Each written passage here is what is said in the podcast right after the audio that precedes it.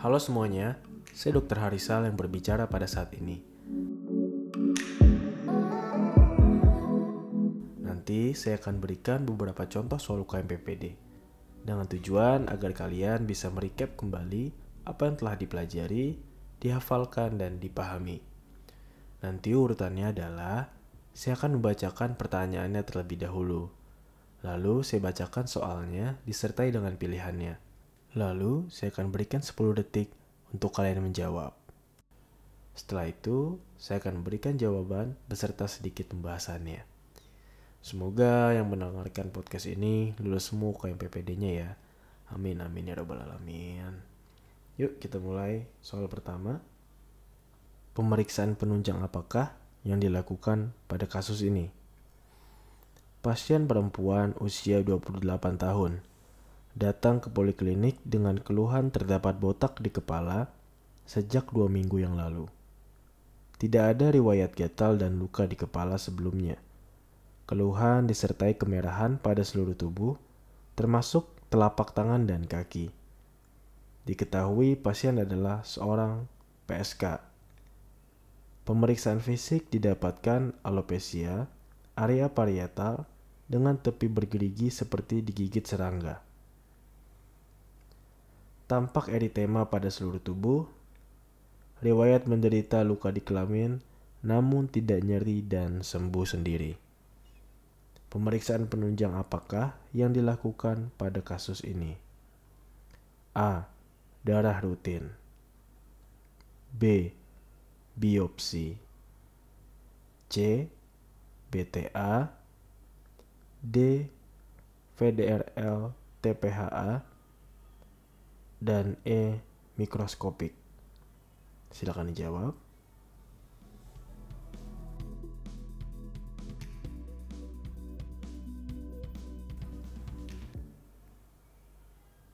Jawabannya adalah D. VDRL TPHA.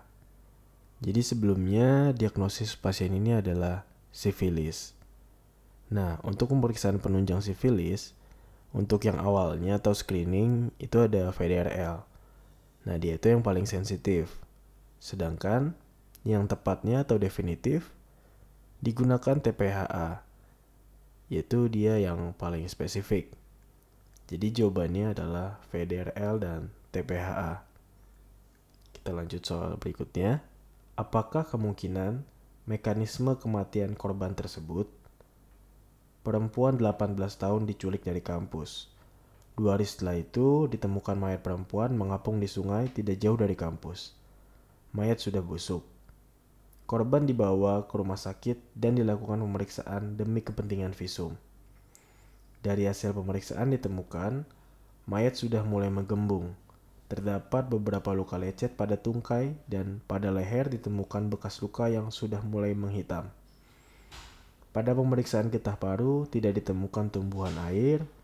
Pada selaput darah ditemukan robekan sampai dasar.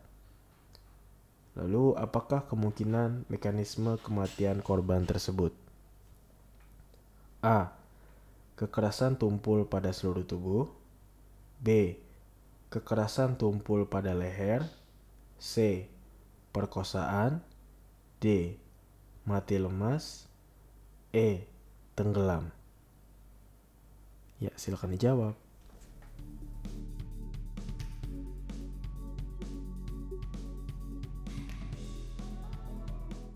Ya, jawabannya adalah D. Mati lemas. Jadi pada pasien tersebut bisa disebutkan mekanismenya adalah asfiksia atau nama lainnya adalah mati lemas. Nah, untuk identifikasi jenazah kita bagi untuk sebab, mekanisme, dan cara. Sebab itu etiologinya, mekanisme itu patofisiologinya, dan cara itu adalah kondisi wajar atau tidak wajar kematiannya. Untuk sebabnya kemungkinan dicekik. Untuk mekanismenya adalah kemungkinan asfiksia. Dan untuk caranya adalah tidak wajar. Dan yang ditanya di soal ini adalah kemungkinan mekanisme kematian korban tersebut. Jadi karena mekanisme, maka jawabannya adalah mati lemas atau asfiksia. Kita lanjut ke soal selanjutnya. pemeriksaan lanjutan yang perlu dilakukan untuk menegakkan diagnosis adalah seorang laki-laki berusia 39 tahun datang ke poli umum dengan keluhan mata kanan merah sejak tujuh hari yang lalu. Seperti ada yang mengganjal, silau jika melihat cahaya. Tidak terlalu nyeri. Untuk pemeriksaan visusnya, untuk kanan dan kiri 6 per 6 dan untuk pemeriksaan oftalmologi menunjukkan konjungtiva kanannya hiperemis, neurovaskularisasinya negatif, kornea dalam batas normal. Pemeriksaan lanjutan yang perlu dilakukan untuk menegakkan diagnosis adalah A. Tes Hisburg B. Tes Anel C. Tes Krimer D. Funduskopi dan E. Tes phenylephrine. Silakan dijawab.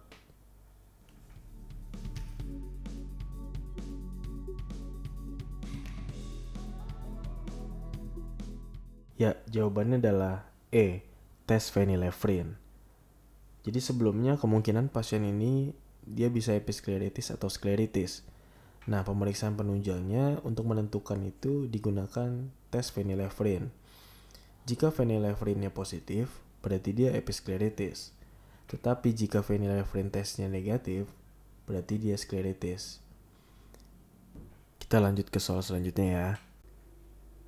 Terapi yang paling tepat adalah seorang anak 12 tahun datang dengan keluhan nyeri pada telinga kanan dan kiri sejak tujuh hari yang lalu, disertai demam tinggi dan penurunan pendengaran. Pasien sebelumnya batuk pilek, namun tidak diobati. Untuk pemeriksaan fisiknya, suhunya didapatkan 38,5 derajat Celcius. Untuk status lokalis otoskopinya didapatkan membran timpani menonjol ke arah luar atau bulging dengan titik kekuningan di tengahnya. Terapi yang paling tepat adalah A. Dekongestan topikal B. Antibiotik C. Miringotomi D. H2O2 3% dan E. Mukolitik Silakan dijawab.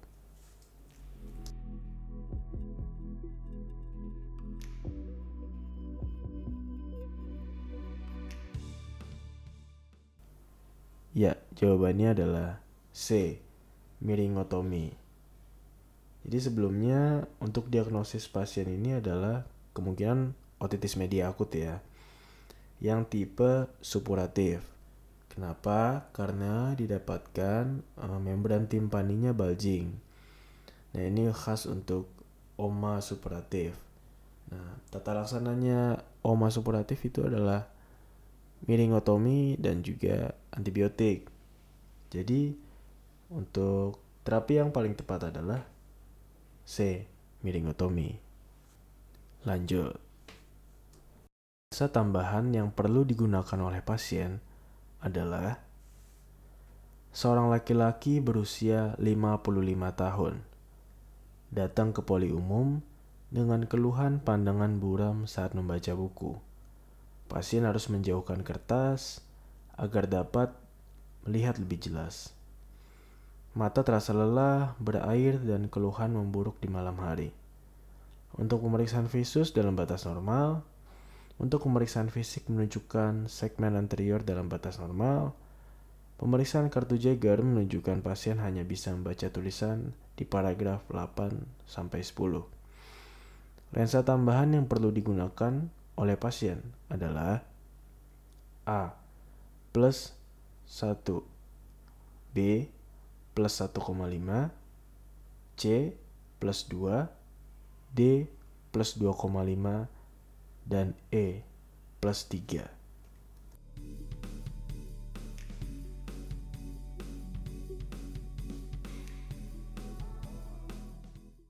Ya, jawabannya adalah D plus 2,5.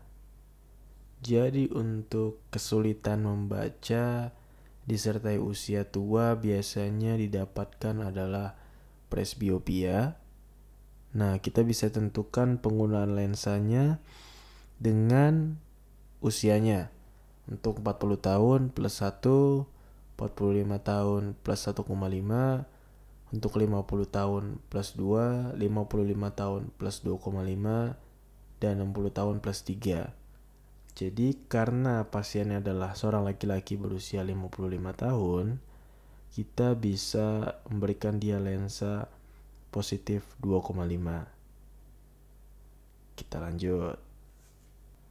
Kemungkinan diagnosis pasien adalah seorang laki-laki 30 tahun datang dengan keluhan tidak bisa BAB dan buang angin sejak tiga hari yang lalu. Disertai mual dan muntah, dari pemeriksaan fisik didapatkan tanda vital dalam batas normal. Perut kembung, perkusi perut timpani, dan tidak didapatkan bising usus. Gambaran abdomen terlihat distensi usus halus dan usus besar, disertai adanya air fluid dan gambaran herringbone. Kemungkinan diagnosis pasien adalah A. Ileus obstruktif B. Ileus paralitik C. CA kolon D.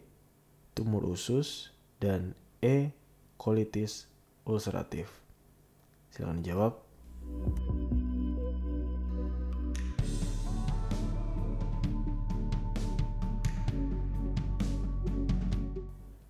Ya jawabannya adalah B. Ileus paralitik. Kita bisa lihat dari soal tersebut menyebabkan bahwa bising ususnya menurun dan juga ada air fluid level. Itu khas untuk paralitik. Sedangkan untuk ileus obstruksi, biasanya bising ususnya meningkat. Dia juga ada herringbone juga. Terus juga biasanya dia ada Darmstafung sama Darm contour. Oke. Bedah lagi deh satu lagi. Apa diagnosis pasien ini? Seorang laki-laki usia 48 tahun mengeluhkan keluar benjolan pada anus. Benjolan awalnya bisa masuk sendiri, namun sekarang tidak bisa masuk kembali. Pada pemeriksaan fisik didapatkan mukosa berwarna merah. Diagnosis pada pasien ini adalah A. Hemoroid internal grade 2 B. Hemoroid internal grade 3 C. Hemoroid internal grade 4 D. Prolaps rekti dan E. Fistula ani. Silahkan dijawab.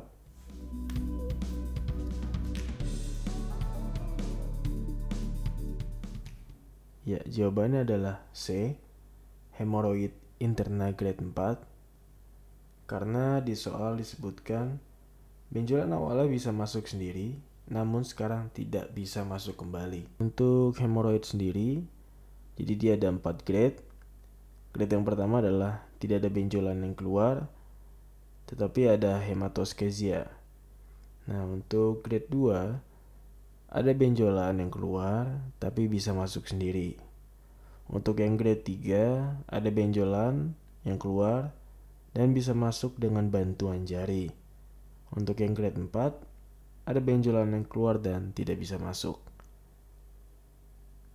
Ya udah. Sekian dulu. Semoga yang dengerin podcast ini bisa lulus suka MPPD semua. Amin. Semoga podcast ini juga bermanfaat buat kita semua. Ya udah, dadah, ya.